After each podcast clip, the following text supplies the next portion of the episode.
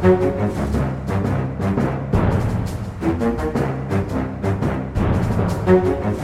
da kjører vi på med en ny runde av Aftenpodden USA. Og som vanlig med oss fra Oslo og Frogner er Kristina Pletten, kommentator. God dag, god dag. God morgen, Øystein. God morgen, god morgen. Ja, og jeg sitter jo som alltid, ikke som alltid da, men i hvert fall denne uken, i Brooklyn i New York. Og jeg er da USA-korrespondent Øystein Langberg. Hvordan går det, Kristina? Det går litt trått, og spesielt eh, når jeg hører alt du eh, får være med på, og alle tingene du eh, deltar på der borte, som vaksinert og frisluppet, så begynner ja. det å Og dessuten så snødde det her i går, da, så det er ikke det, er ikke det helt store fortsatt. Ja, jeg føler at Instagrammen min nå om dagen er litt sånn gni det inn time for time. I går var jeg altså på, går jeg altså på basketkamp. Min første live-basketkamp i NBA i Madison Square Garden. Det var New York Knicks mot eh, Los Angeles Lakers, så det var jo to lag med masse historie som, som, møttes. Dessverre så spilte jo ikke den store stjernen LeBron James. Det er jo en sånn debatt om han er den største basketballspilleren gjennom tidene eller den nest største etter Michael Jordan. Men det var likevel utrolig gøy å, å, å være på, på kamp. Uh, har du vært på ba basketkamp, du? Det har jeg ikke. Jeg har vært i Madison Square Garden et par ganger på konserter, og også på tennis. Uh, ja. Men ikke på basket. Men jeg lurer jo litt på, Øystein, hvordan det er nå å være liksom uh, tilbake i livet. Har du glemt alle de vonde månedene, eller? Nei, det føles, det føles, fint å kunne gå der, men det var langt fra normalt, bare for å ta det om den kampen ferdig, da. Jeg skrev litt frekt på Instagram at det var litt som å se Lyn på Ullevål i gamle dager altså ingen tilskuere. For det er 10% kapasitet, så det er jo utrolig glissent. Så det er jo ikke den mm. Jeg har ikke vært på et fullsatt Madison Square Garden hvor det bare koker, og det er eh, dans i pausen, og det er jo veldig sånn det er sosial distansering, det er noen som kjefter på deg når du drar ned maska. Du kan ta deg en øl. Så det er jo fortsatt veldig spesielt. Eh, veldig annerledes. Kapasiteten er på 10 bare, så vi skal sikkert øke den, øke den etter hvert. Men det er bare sånn et, Du får sånne snev av normalitet, da. Som gjør at det bare er ja, veldig gøy. Mm å være i New York om dagen.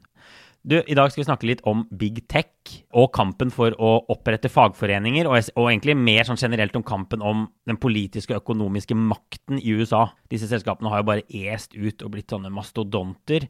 Men på den annen side så har de på en måte flere og flere fiender og færre og færre venner. Men det skal vi komme tilbake til etter at vi har tatt en liten runde med hva som har skjedd i dette landet siden forrige gang. Kanskje du kan starte denne uka, Kristine? Det kan jeg, og jeg kan jo begynne i Det hvite hus med Joe Biden, som har kunngjort at han vil ha strengere våpenlover fra mm. Kongressen. Mm. Det kommer ikke til å skje, det vet Biden også, og derfor så har han sagt at han også vil gjøre ting på egen hånd, bl.a. skrive ut presidentordrer og eh, lage nye regler for hvordan delstatene sjekker folk som kjøper våpen. Og så har det jo vært flere store skyteepisoder i USA de siste ukene inkludert en av en fotballproff fra NFL som drepte fem mennesker, da. Inkludert et eldre ektepar og barnebarna deres på ni og fem år. Det var en skikkelig fæl greie nede i South Carolina. Så har vi også en annen skyteepisode i Minnesota som i disse dager får veldig mye oppmerksomhet. Det var en ung svart mann ved navn Donty Wright som ble stoppet på veien fordi han hadde sånne Wunderbaum-greier hengende fra speilet. Det var grunnen til at politiet stanset ham. Nei, det må du ikke ha.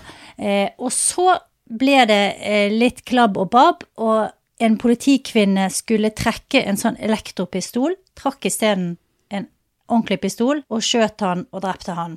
Dette kommer jo midt i den rettssaken om drapet på George Floyd, så det er masse bråk og spenning i, i Minnesota over hele USA pga. dette her. Og så vil jeg bare nevne én liten ting til slutt, som er at tidligere OL-vinner Bruce Jenner, nå kjent som Caitlyn Jenner fra The Kardashians, vurderer meget sterkt å stille som guvernørkandidat i California. Det hadde jo vært kjempegøy. Og vi har jo snakket om før at i California kan det godt bli et omvalg pga. et opprør mot den sittende guvernøren Gavin Newsom. Så ja. det var det jeg hadde. Det er veldig bra, Kristina. Og så er det sånn at koronapandemien, som jeg jo sier her, er på vei bort i USA. Eh, men det er sånn at selv om 37% nå har fått dose 1, og veldig mange har naturlig immunitet fordi de har hatt viruset, så skjer det fortsatt store utbrudd. Og Michigan står nå plutselig midt i et sånt smittemareritt igjen, med fylle sykehus, økonomi som må stenges ned. Så det viser jo for alle land, også Norge, at man, man er ikke ute av det selv om man har greid å vaksinere nær halvparten av befolkningen. Og så har USA vedtatt å sette Johnson Johnson-vaksineringen på pause i tillegg, noe som kan forsinke gjenåpningen ytterligere, og også selvfølgelig få direkte konsekvenser for Norge. Så det blir interessant å følge det der. Og så har vi snakket om grensen i en episode for noen uker siden mellom USA og Mexico. Den er fortsatt veldig relevant, den episoden. Eh, nå har det kommet tall for mars som viser at eh, 170 000 personer ble stanset på grensen. Som jo er en rekord, den største på over 15 år. Og tallet på enslige mindreårige, som vi også snakket om, har doblet seg på en måned, og slår også alle nye rekorder i nyere tid. Så dette er og blir en hodepine for Biden, selv om han prøver å rette fokuset på helt andre ting. Ok, Kristina, la oss gå over til, til, big tech og det noen kaller for mm. fang. Som med to a-er. Noen ganger er det bare én a, som altså er Facebook, Amazon, Apple, Netflix og Google. Det hadde jeg skrevet opp, så jeg bare skulle kunne ta det, ta det sånn. Vi kan jo starte med Amazon. Det er jo sånn at ingen som jobber i Amazons lager i USA, er fagorganisert. Der har de ikke fagforeninger. Og så har det også vært sånn at et Amazon-lager i Bessemer i Alabama kunne bli det første som fikk fagorganisert sine lagerarbeidere, da. De kaller disse for fulfillment centers, disse store Amazon-lagerne. Og det var sånn at en av USAs fagforeninger hadde gått, vedtatt å gå inn med hud og hår da, for å få denne avstemningen på plass og prøve å få fagorganisert de som jobba der. De pøser da inn penger og ressurser. Det er vel sånn at de må ha, ha med seg 30% av de ansatte først på å si at de vil ha en sånn avstemning. Så det er ganske mye jobb. Eh, ganske krevende. Men det var også en ganske sånn mm. stor tro på at nå kunne det gå. Endelig kunne man starte en sånn fagorganiseringsbølge i USA. I et av de største selskapene i landet. Det nest største selskapet etter eh, Walmart når det gjelder antall ansatte. Men så gikk det ikke sånn. 70% av de som stemte, stemte nei. Eh, det var flere enn det mange hadde trodd. Det var en stor skuffelse, var det ikke det egentlig, dette, hele denne runden til slutt? Det var en stor skuffelse for alle som hadde trodd at uh, dette endelig skulle gå veien, og sikkert en stor lettelse for Amazon. Ja. Det har jo blitt et mer uh, fagforeningsvennlig klima i USA enn på veldig mange år, pga. at de har nå Joe Biden som president, som jo er en stor støttespiller for fagforeningene. Mye større enn f.eks. Clinton og Obama, hvis vi skal ta de to tidligere demokratiske presidentene. Mm.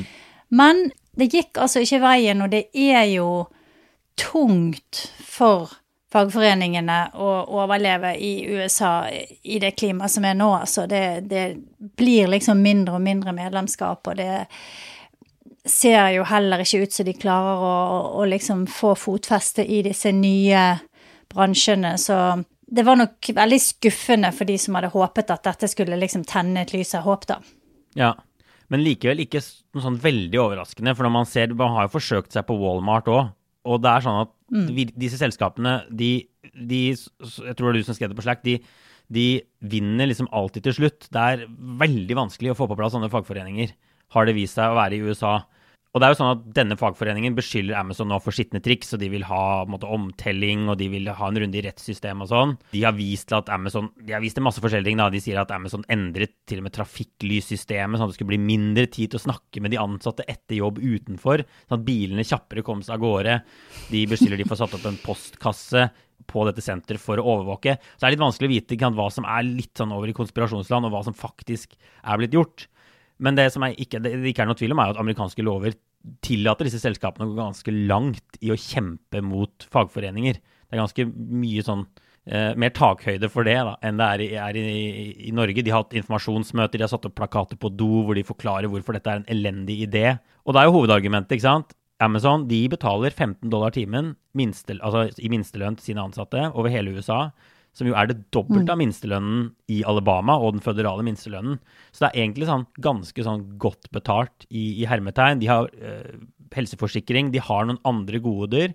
Og så sier de da det er kjempedumt for dere å bruke masse penger på å være med i en fagforening, betale denne kontingenten, øh, så derfor bør dere holde dere unna. Og det ser ut som det argumentet vant frem, da.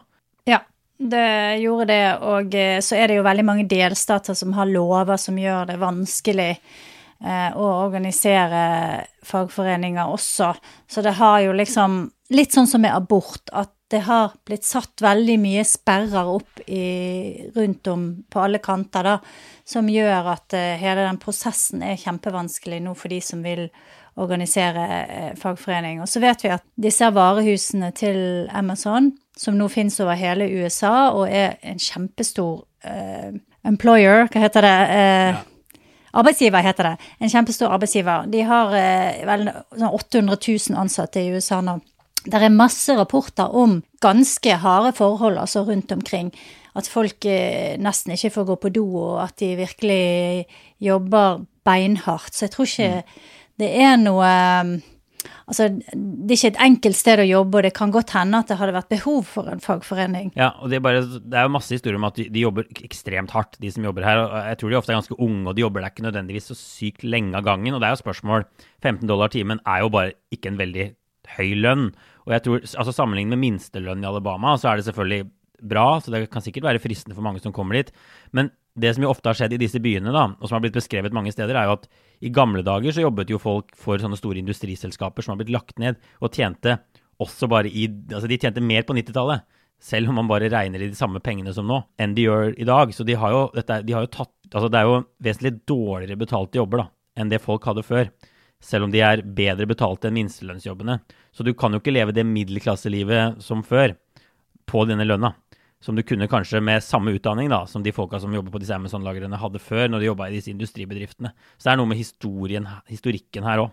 Ja, nei, det er vanskelig. Og så tror jeg et annet aspekt her er at Amazon at mange fulgte med på dette her fordi at de var redd for at dette skulle få ringvirkninger hvis det hadde gått andre veien, hvis de hadde stemt for å forme en fagforening. At det skulle mm. inspirere andre i tech-bransjen, i disse her postordreselskapene, eh, til å, til å, å, å følge opp. Mm. Så det var mange som fulgte med på dette her, og derfor så tror jeg nok også at både Amazon og veldig mange andre av den type selskaper puster lettet ut eh, etter denne avstemningen. Ja, og i Norge så er det sånn at jeg tror de siste OECD-tallene viser rundt 50 av arbeidstakerne er fagorganisert.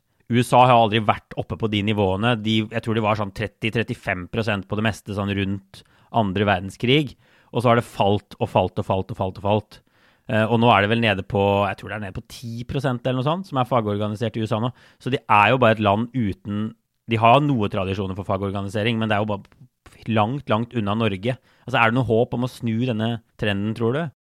Nei, jeg tror ikke det, dessverre. Altså. Jeg tror at uh, um som sagt, det har vært jobbet sånn systematisk for å fjerne fagforeninger veldig lenge. Trump gjorde jo mye også. Han, han, eh, innførte en rekke regler og snudde om på en rekke lover som gjorde det at du hadde mindre beskyttelse som arbeider i alt fra liksom arbeidsuhell til, til overtid til liksom eh, forskjellige typer overtramp på arbeidsplassen. Da. Så han fjernet mye av sikkerhetsnettet som var rundt arbeidsplasser. Og eh, før det så har det vært ganske sterke krefter, særlig fra republikanerne, som har jobbet for å svekke fagforeningen. F.eks. lærerne sin fagforening har vært under nesten konstant angrep fra republikanerne i mange år. Mm. Lærerne eh, sliter veldig mange steder i USA. Sykepleiere, alle mulige sånne offentlig ansatte som fortsatt er, er organisert, eh, opplever nok det som ganske belastende, da. Så det er jo ja. Hvis du bare ser fra 1983, da var det 20% som var, som var organisert, til i dag, da det er 10, så det er halvert siden begynnelsen av 80-tallet. Og den trenden tror jeg dessverre kommer til å fortsette. Og så tror jeg at det kommer til å være noen bransjer, jeg nevnte lærere, eh, sykepleiere og også sånn som politiet, og sånne typer mm. bransjer som har sterke fagforeninger som kanskje vil overleve i noen år eller ti år til. Bilindustrien kan vel ja. også nevnes som en sånn type bransje. Ja. Og du nevnte jo Joe Biden, som de har jo på en måte litt drahjelp fra presidenten. Han har jo foreslått noen lover og noen endringer som skal gjøre det enklere å fagorganisere seg. Men igjen så møter de jo på disse kronglete reglene i Senatet. Dette er ikke noe du bare kan trumfe gjennom med, med de stemmene de har, og de må ha med seg republikanere og sånn. Og det er også noen regler om at de, de, må, de, må, fagorganisere deg på hver enkelt arbeidsplass. Du kan ikke gjøre det i et helt selskap eller en hel industri om gangen. Så det er en del sånne kompliserende ting, da. Så, men jeg tenker jo altså, at hvis de skal snu den trenden, så er jo tiden egentlig nå med en sånn president som presser på. Men spørsmålet er om han har gjort noe substansielt. Men jeg tror det som gir disse fagforeningene litt håp, er at de kan legge press på disse selskapene på andre måter, kanskje, enn gjennom fagforeninger. De har jo fått ganske mye oppmerksomhet rundt denne runden i Alabama nå. Mm. De gjennomfører av og til sånne walkouts og mer sånne De kan protestere i, liksom, i mediene, drive sånn PR-kampanjer. De, de, lykkes jo med å måte, svekke omdømmet til Amazon. Det har kommet ganske mye sånn historier opp om liksom, ja, folk som ikke får gått på do. Altså, det har kommet opp en del sånn sjuke historier, Ja. faktisk. Eh, De siste månedene som gjør at de kan, kan legge press på selskapene uten å være fagorganisert, selv om det selvfølgelig ikke er like effektivt, tenker nok noen. Ja, og ironisk nok så kan man jo i dag bruke sosiale medier, f.eks. Eh, til å spre sånn type informasjon, da.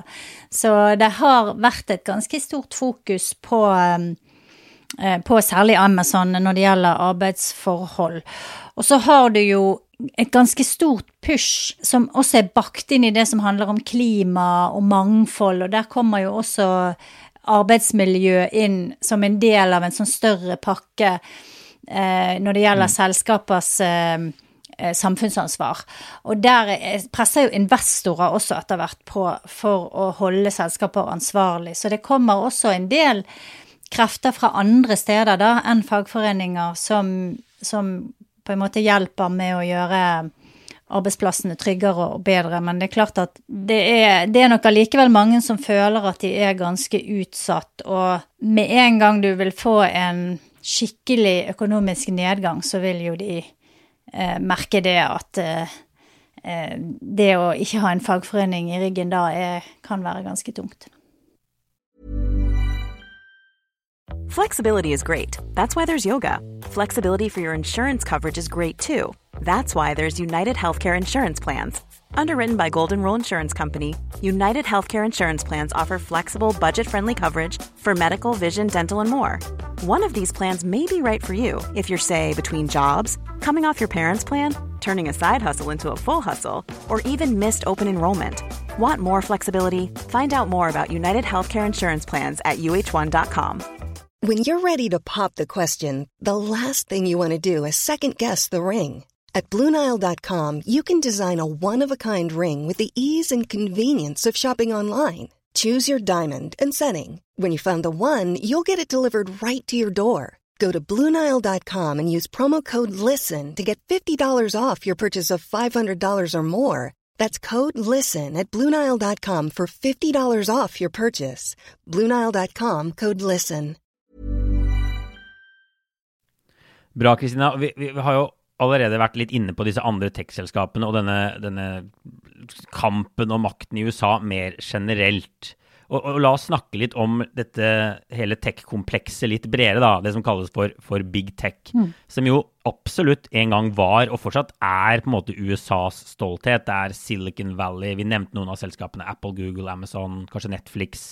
Kanskje lenge siden der Facebook hører definitivt med. Jeg tror egentlig Microsoft jeg tror egentlig Microsoft hører mer opp uh, i, i, i toppen enn Netflix gjør. Feng høres kanskje bedre ut, men, uh, Ja, Fang høres nok bedre ut. Fa, men Fang, Netflix er ikke ja. helt der oppe med. Ja. Nei, det er ikke, det er ikke helt der oppe. Men, men, men, men de har liksom vært noe USA har vært veldig stolte av. De har hatt ganske mye støtte, egentlig både blant demokrater og blant republikanere. Obama forsvarte disse selskapene da Europa prøvde å få dem til å betale mer skatt, eller prøver å splitte det opp. EU-kommisjonen har jobba med dette. Men også i USA nå så ser vi at det blir mer og mer, vi nevnte det rundt Amazon, mer og mer, oppmerks, mer, og mer negativ oppmerksomhet rundt disse selskapene. Eh, egentlig fra begge partier. Så, men vi kan jo først snakke litt om altså, Dette er jo selskapet vi bruker mye tid på hver dag. Facebook, Google, Netflix. De, de, bare, de tar jo så mange timer av arbeidsdagen vår. Instagram, det er jo der jeg har lagt ut bilder fra denne basketkampen. eh, og, og prøver å få folk til å følge meg. ikke sant?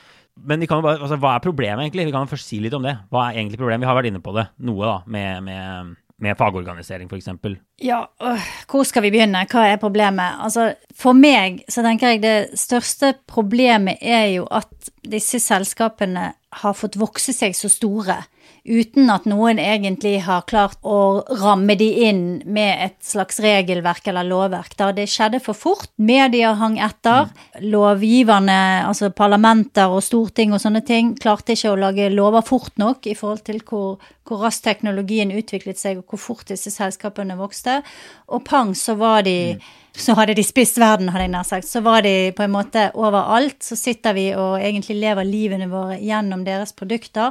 Og de er helt uh, Man kan nesten ikke jobbe eller fungere uten å bruke disse selskapene i et moderne samfunn. Og så betaler ikke de skatt. Det er nesten ikke, i hvert fall. Det er et stort problem, og det henger jo sammen med det at man ikke har klart å regulere det, da.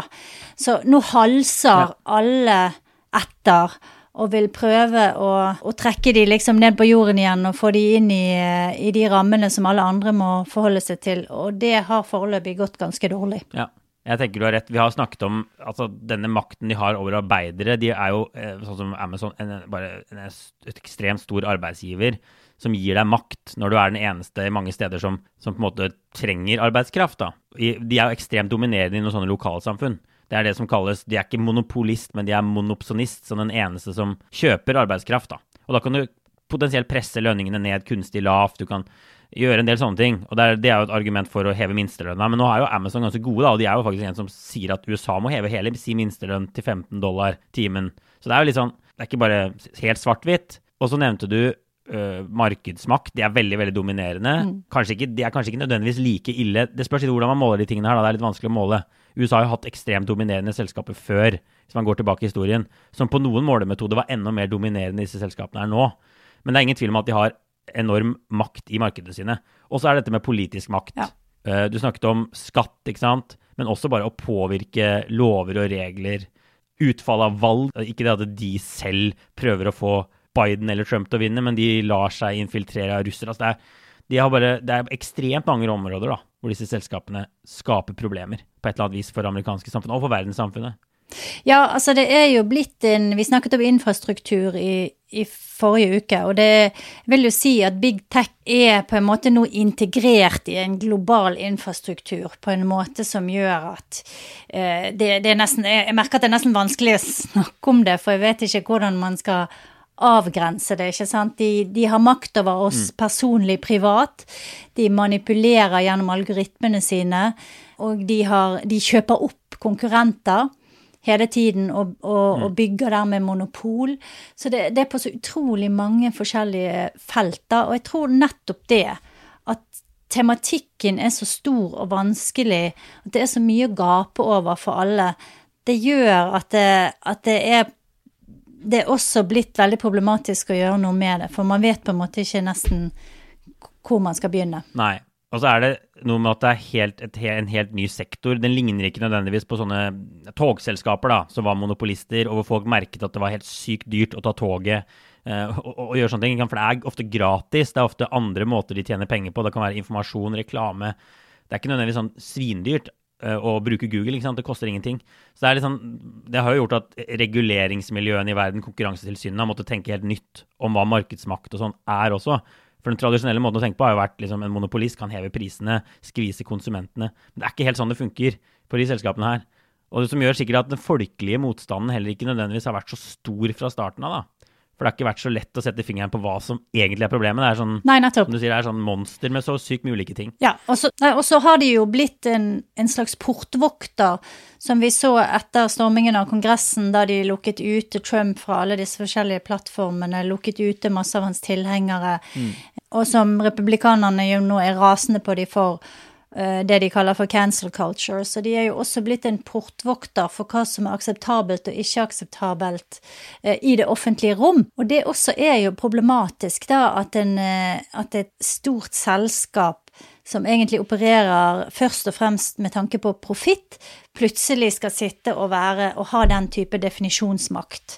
Så her, her er mm. mye å ta av det er jo derfor også politikere måte som jobber med alt fra ytringsfrihet og kultur til, til konkurranse. Altså det, det, det, er på en måte ikke én lov man kan gjøre, og så har man regulert disse selskapene. Det er så utrolig mange områder man må regulere de på. Men det er noen ting på gang nå, da. Vi kan si det i USA. Og vi ser jo at blant demokratene så er det en del folk som vil begrense makten til disse selskapene. De har fått økt innflytelse etter hvert. Elizabeth Warren har jo vært en sånn stjerne på det feltet. Mm. Og så har du republikanerne, som jo er det der tradisjonelle partiet for hold fingrene fra fatet, la selskapene liksom operere fritt. staten må ikke gripe inn for mye til det ekstreme noen ganger i det partiet, hvor de engang ikke vil ha et konkurransetilsyn ikke sant, som skal egentlig drive opp konkurransen og skape et bedre marked. Selv ikke det har de vært for. Men det er litt i endring. Nå er det politikere også blant republikanerne som, som er veldig kritiske til disse selskapene. Kanskje av litt andre grunner enn demokratene, men det er også en del overlapp der. Blant annet Josh Hawley, som har skrevet en bok som heter The Tyranny of Big Tech, som er en sånn senator som jo fikk veldig mye dårlig PR etter storming av Kongressen. Han er en vanskelig mann å vite hvor man skal plassere. Uh, han er definitivt i mm. Trump-campen, men samtidig så mener han at Det republikanske partiet må bli et arbeiderparti og bry seg mer om, om de tingene der. da, Begrense disse folkas makt. Men de er jo da også veldig bekymra for sin egen ytringsfrihet, f.eks., som ikke demokratene er så opptatt mm. av. Mm. Sensur og sånn. Og her har du egentlig et interessant skifte, fordi at hvis du går 50, 60, 70 år tilbake i tid, eh, så var det jo de største industriene var støttespillere for republikanerne. Mm. Det var olje, ikke sant, gass, eh, eh, andre typer transport, kjemikalier, gruver, alt det der. Og de ga masse penger til eh, republikanske og konservative politikere. Og så har du hatt et skifte, da, der du, det vokser opp en sånn ny, eh, kjempestor bransje med selskaper som er ledet av mye mer eh, liberale toppledere og har en mye mer liberal filosofi og støtter demokrater i mye større grad med penger. Det har vært snakk om at uh, Mark Zuckerberg, sjefen for Facebook, skal stille som presidentkandidat som, uh, som demokrat, ikke sant. Så så her har det jo også skjedd et skifte der republikanerne har ikke like mye insentiver for å skulle beskytte de da, fordi at de får ikke støtte fra de uansett. Nei, ikke sant. Og du har jo hatt en runde i Georgia hvor, prøver, hvor republikanerne har innført stemmerettsbegrensninger, og hvor selskapene fra Georgia som har sete i Atlanta, Delta, Coca-Cola, går ut og, og slakter egentlig det republikanske stemmebegrensningsforslaget. Som, som, også er sånn som gjør at republikanerne da sier at disse selskapene må være stille, de kan ikke blande seg inn i politikk. Men så sier de fortsatt at de vil ha litt penger av dem. Men, men, det er et mye mer sånn det er ikke et like tydelig som du sier da, det er ikke et like tydelig landskap lenger hvor, hvor den store industrien er på republikanernes side uh, og, og demokratene er på den andre siden uten så veldig mye støtte fra næringslivet. Det er et sammensurium nå. Men er det håp om å få gjort noen ting? Det er en del sånne lovpakker på gang i Senatet og i, um, og i Huset på i hvert fall å begrense Jeg tror ikke man kan kalle noe av det en revolusjon, da. Men det er jo, vi har snakket om det, de skal prøve å få selskapene til å skatte mer det er jo Biden-administrasjonens store plan. Det snakket vi om i forrige uke, da vi snakket om infrastruktur.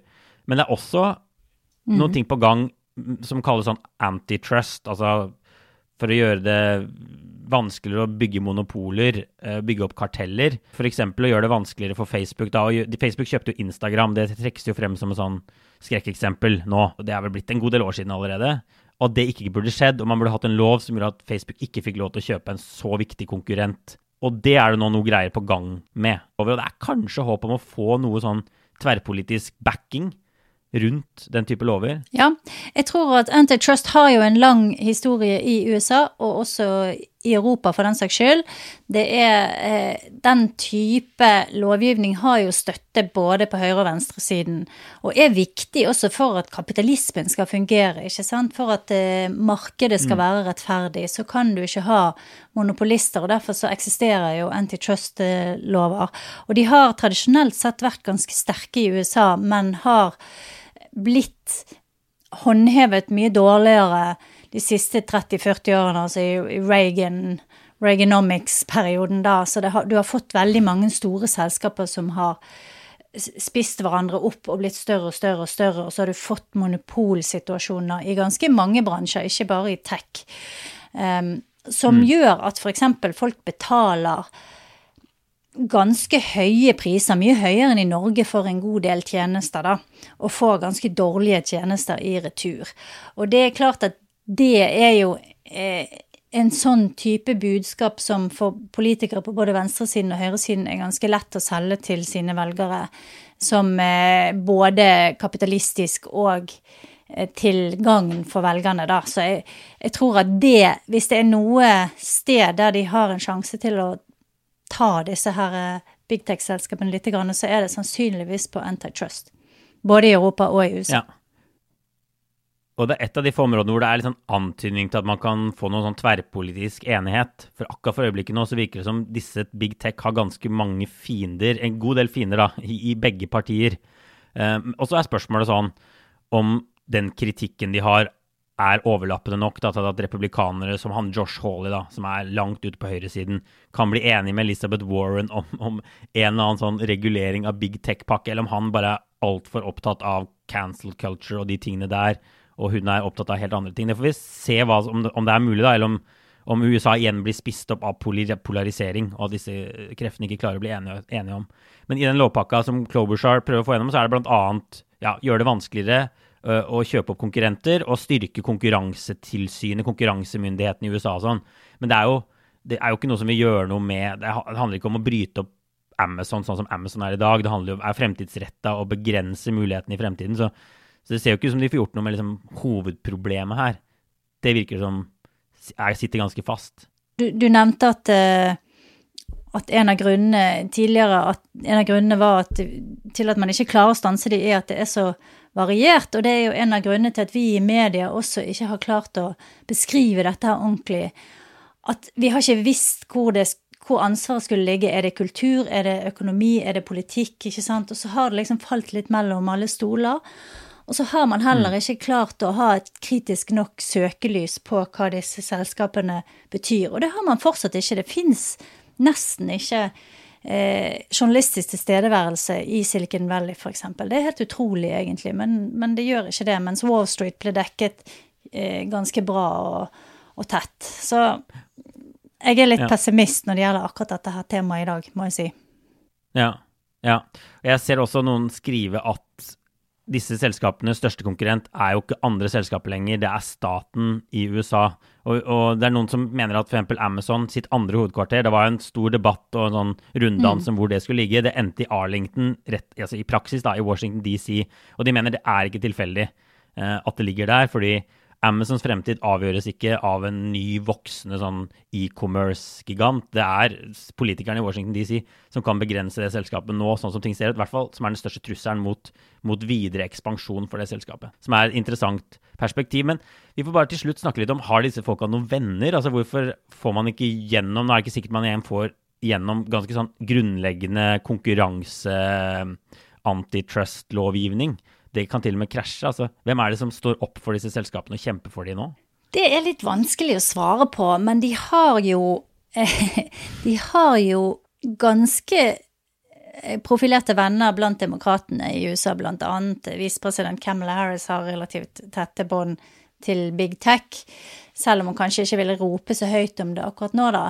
Eh, de har jo masse penger til å kjøpe seg gode venner, og jeg tror de har også ganske sterke støttespillere i, på andre kysten på Wall Street, som jo er også avhengig, mer og mm. mer avhengig av at disse selskapene skal øke og øke og stige og stige, fordi at de eh, Snubler de, så går det utover hele børsen, ikke sant, fordi at de er blitt så store.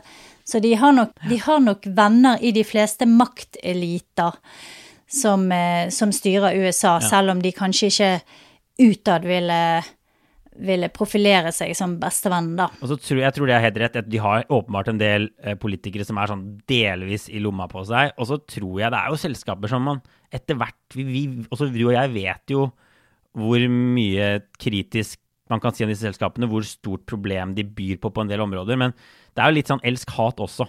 Altså Hvis man ser på kystene, hvem er de store forbrukerne av Amazon? Det er jo sånne folk som meg bor i Brooklyn under pandemien. Vi får levering fra Whole Foods en gang i uka. Det er vanskelig å Det, er bare, det fungerer kjempebra. Flotte produkter.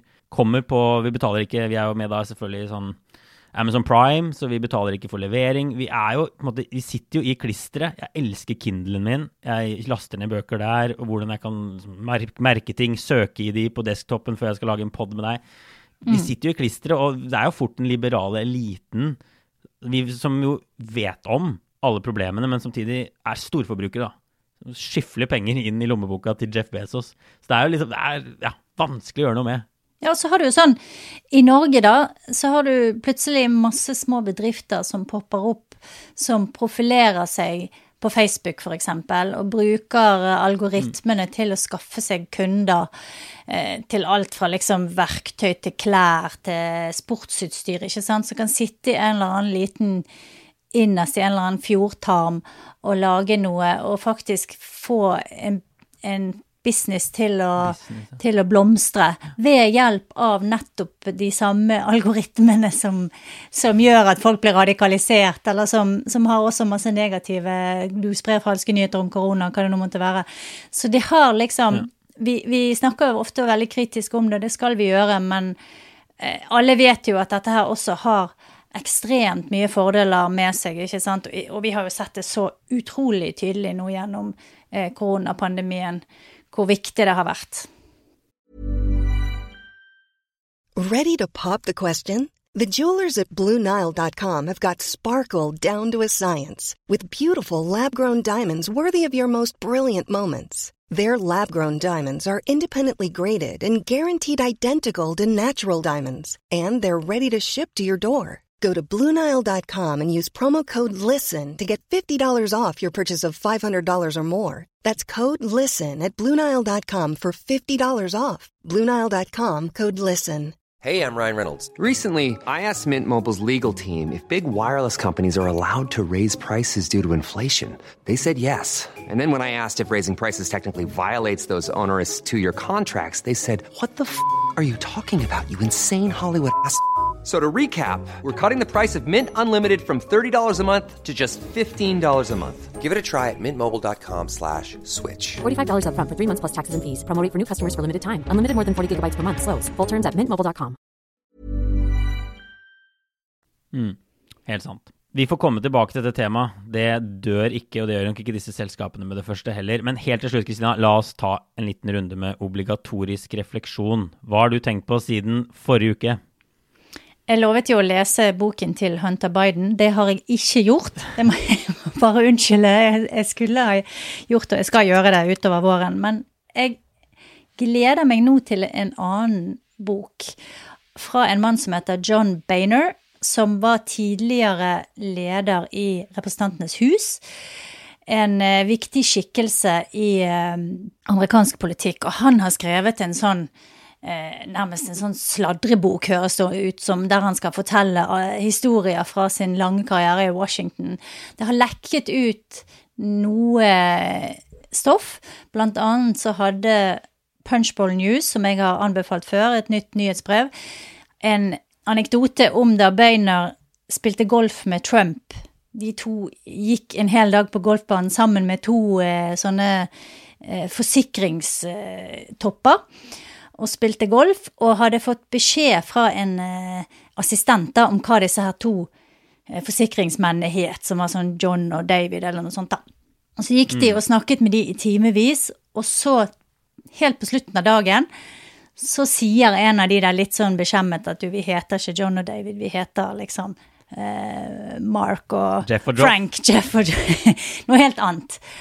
Eh, og, og, han Bainer forteller at han liksom lo litt av det, de, mens Trump ble bare helt sånn rasende og gikk helt opp i ansiktet på denne her stakkars assistenten og brølte og liksom Han fikk se dette her eh, sinnet og det mørket, da, som mange har beskrevet, og som han Bainer beskriver ganske godt.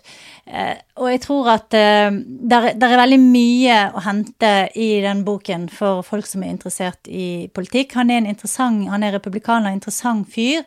Litt mm. sånn med et bein i den gamle og et bein i det nye eh, republikanske partiet, men som har nok eh, Føler nok på en måte at han ikke lenger hører så mye hjemme da i Trumps parti. Boken heter On the House, den kommer faktisk ut eh, i dag. Så den er nok ute når du hører dette, hvis du er interessert i å plukke den opp. Veldig bra, veldig bra. Jeg har også en bokanbefaling, Kristina, men dette er en bok jeg har lest, i motsetning til dine anbefalinger. Som jeg, jeg, sa jo forrige uke da, da jeg kjørte rundt i Utah slash Nevada slash Arizona, at jeg hørte på en lydbok. Prøvde da, lyden, altså, under lyden fra den bråkete asfalten i USA. Eh, jeg har hørt på en bok som heter 'Dreams of Eldorado', A History of the American West, som er skrevet av en sånn amerikansk eh, historiker. Jeg skal legge ut eh, navnet og på forfatteren av boka i, i feeden vår. Og den tar for seg hele Perfekt å høre på når man kjører rundt i disse, denne delen av USA. Den tar for seg hele historien om USAs ekspansjon vestover, som starter rundt sånn 1800-tallet, mm. da Jefferson kjøp, kjøpte Louisiana. Uh, hele Louisiana-territoriet av Napoleon, som jo gjorde The at The Louisiana uh, Purchase. The Louisiana Purchase, ja. Som gjorde at mye mer enn mm. delstaten Louisiana det, USA doblet sitt areal i dette kjøpet.